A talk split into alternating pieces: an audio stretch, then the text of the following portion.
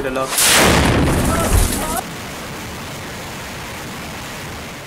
إذا كنت سوريا تجاوزت سن الأربعين فلا بد أنك شاهدت أو عاصرت شيئا من جرائم الأسد في سوريا. وإذا كنت سوريا لم تبلغ الأربعين بعد فلا بد أنك سمعت من أحد أقربائك عن تلك المجازر. أما إذا لم تكن سوريا أو لم تسمع عن شيء من ذلك فتعال نأخذك في جولة مختصرة. نتعرف فيها على أخطر وأكبر عصابة عرفها التاريخ الحديث. ونشاهد أكبر سجن بشري متمثل بدولة لا قانون التي أسسها الدكتاتور الأكبر ورئيس عصابة الإجرام الذي حول جيشها الوطني إلى جيش طائفي. أدار ظهره للأعداء صادر الحريات واعتقل الأفكار. قتل ودمر آلاف المدن والعائلات مؤسسا بذلك جمهورية الخوف والرعب في سوريا. حافظ الأسد ومن خلفه ابنه بشار. الاسم الذي لا يمكن أن يمحى من ذاكرة السوريين. اللهم عليك بطاغية الشام بشار ومن والاه. الأجهزة الأمنية. للحديث عن جرائم الأسد لا بد من التنويه إلى الطريقة التي حكم بها البلاد وساعدته في ارتكاب جرائمه. فقد عمد حافظ الأسد منذ توليه السلطة إلى إجراء تغييرات على الهيكلية العسكرية السورية. وكان أهم تلك التغييرات ترجيح الكفة الأمنية على العسكرية وإطلاق يد أجهزة الأمن والمخابرات. فالعنصر الذي ينتمي إلى تلك الأجهزة ذو صلاحيات مفتوحة وغير مقننة بمعنى أنه يمتلك الصلاحيات لارتكاب أي جريمة دون أي مسؤولية أو محاسبة بما فيها الاعتقال أو القتل. لقد أوجد حافظ الأسد أربع أجهزة مخابرات رئيسية هي المخابرات العسكرية المخابرات الجوية الأمن السياسي وأمن الدولة.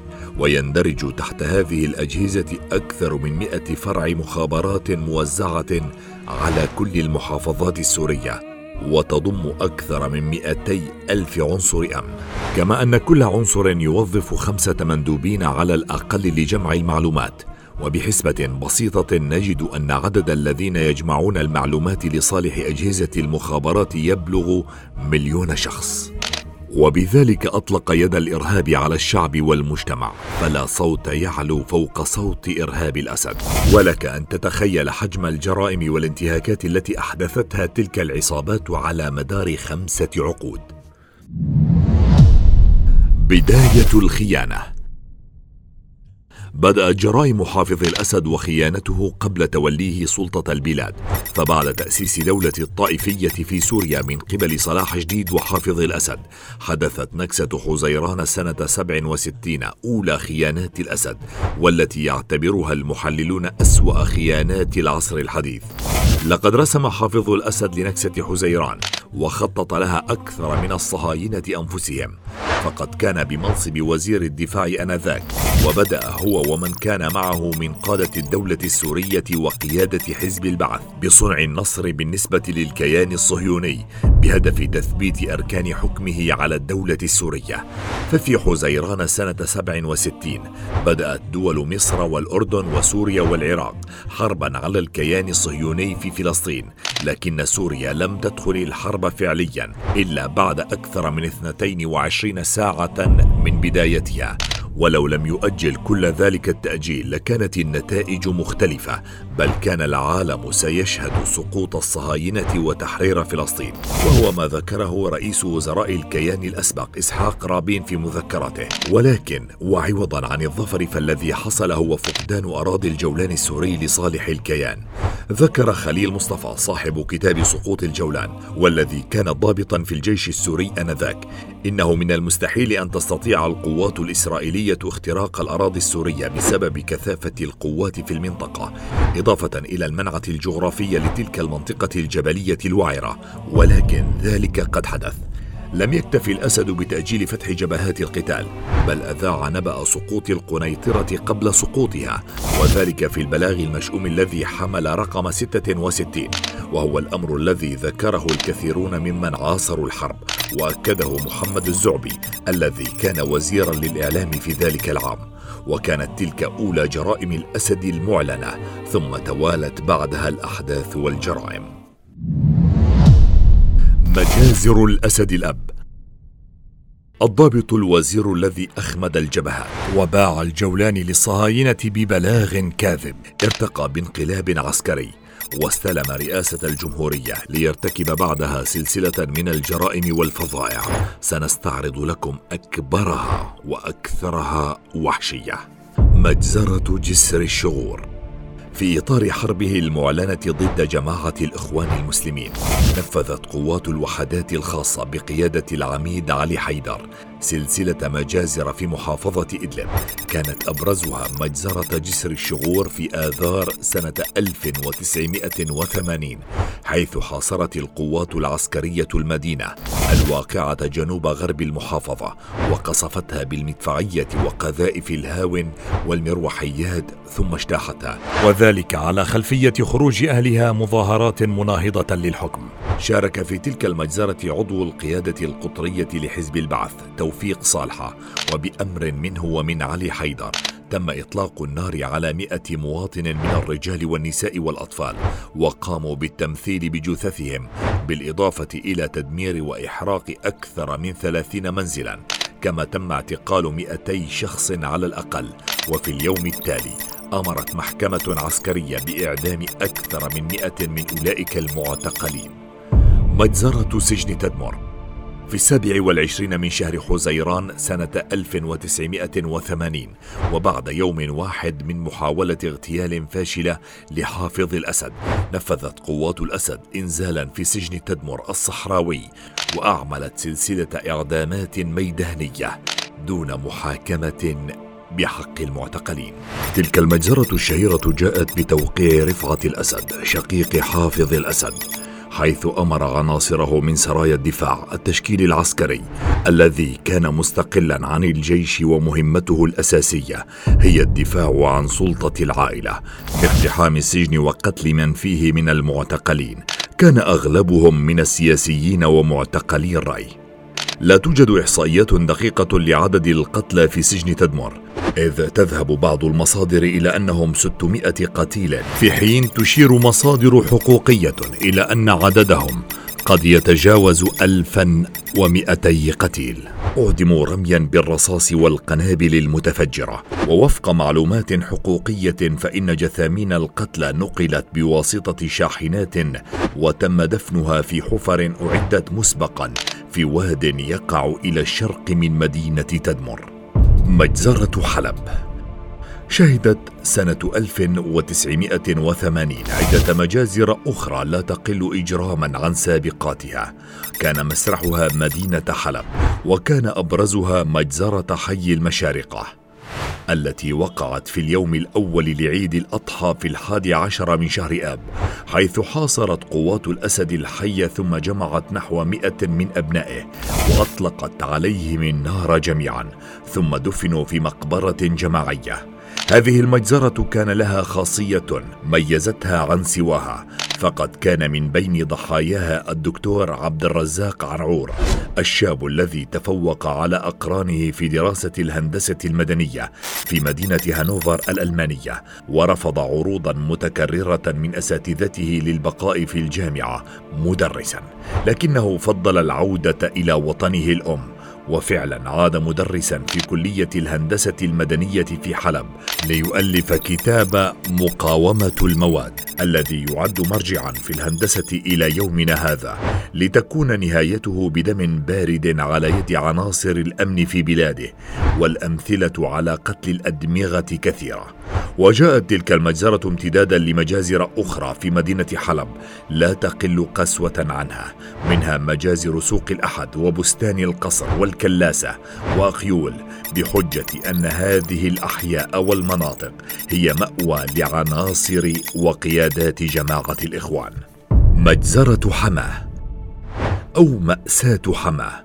دخلتها فرق وألوية تابعة للحرس الجمهوري والقوات الخاصة بعد تمهيد مدفعي وقصف جوي واستمرت المعارك داخل المدينة منذ الثاني من شباط عام 82 وحتى الثامن والعشرين من شباط من العام ذاته لتسيطر عليها قوات الأسد بالكامل. ونظرا للتكتم الذي كان يحيط بجرائم الأسد فقد اختلف المؤرخون في عدد ضحايا المجازر التي طالت معظم أحياء المدينة. فقال الكاتب والصحفي البريطاني روبرت فيسك الذي زارها في العام ذاته إن خمسة وعشرين ألفا من سكانها قتلوا بينما ذهب البعض إلى أن عدد القتلى فاق ستين ألفا. معظمهم بإعدامات جماعية وذبحا بالسكاكين إضافة لاعتقال الآلاف من أبنائها.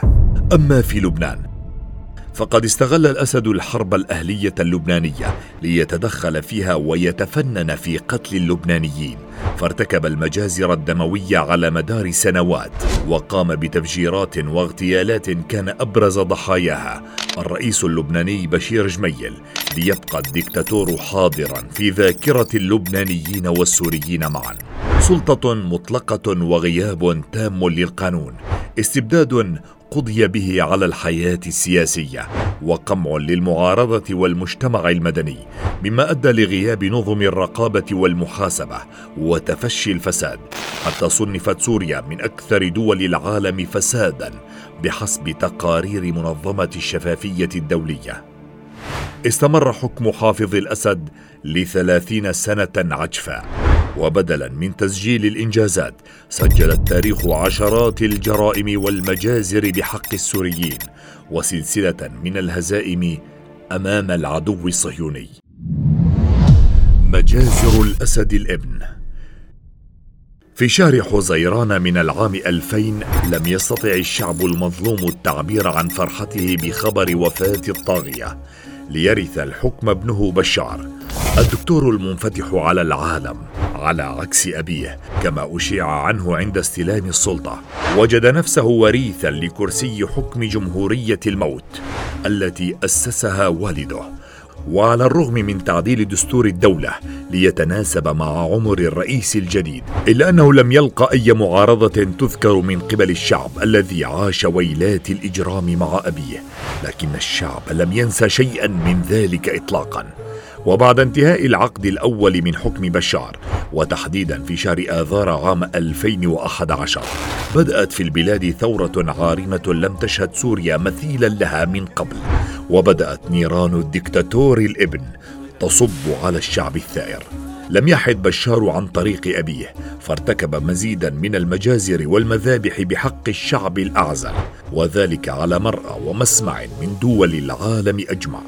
فمن قتل بالسلاح الخفيف والمتوسط والثقيل إلى قصف بالمدفعية والصواريخ فوق رؤوس السكان ومن ضرب بالمروحيات والطائرات المقاتلة التي لم تميز بين منزل أو مرفق عام ومنشأة طبية أو تعليمية إلى السلاح الكيميائي المحرم دوليا لتشهد مدن ومناطق سوريا الثائرة مذابح وتدميرا وقتلا. لم يسبق أن شهدته حتى على يد المحتل الفرنسي لتفضي إلى إحصائيات مرعبة. ستة ملايين نازح داخليا.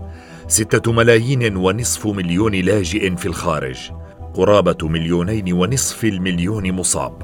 ومئتين واثنين وثلاثين ألفا من ذوي الاحتياجات الخاصة.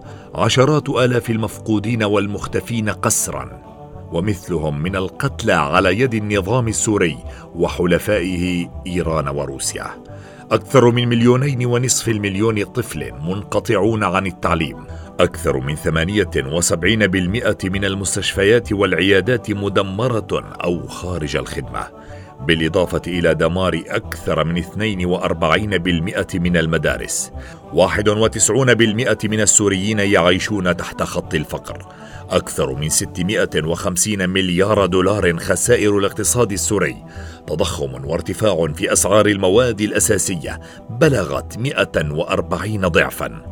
انهيار كبير في قيمة العملة المحلية وذلك حسب تقرير لفريق استجابة سوريا. لم تكن مجرد مجازر بل كانت حربا مفتوحة على جميع الأصعدة ضد شعب لم يطالب إلا بأبسط حقوقه المسلوبة. تلك كانت إنجازات بشار الأسد قتل وتهجير وتدمير وخنق وتجويع حتى لم يبق شبرا واحدا من سوريا إلا وأسال الدماء فيه ولم يبق بيت على طول الخريطة السورية إلا وبات يئن من فقد أو اعتقال أو تهجير.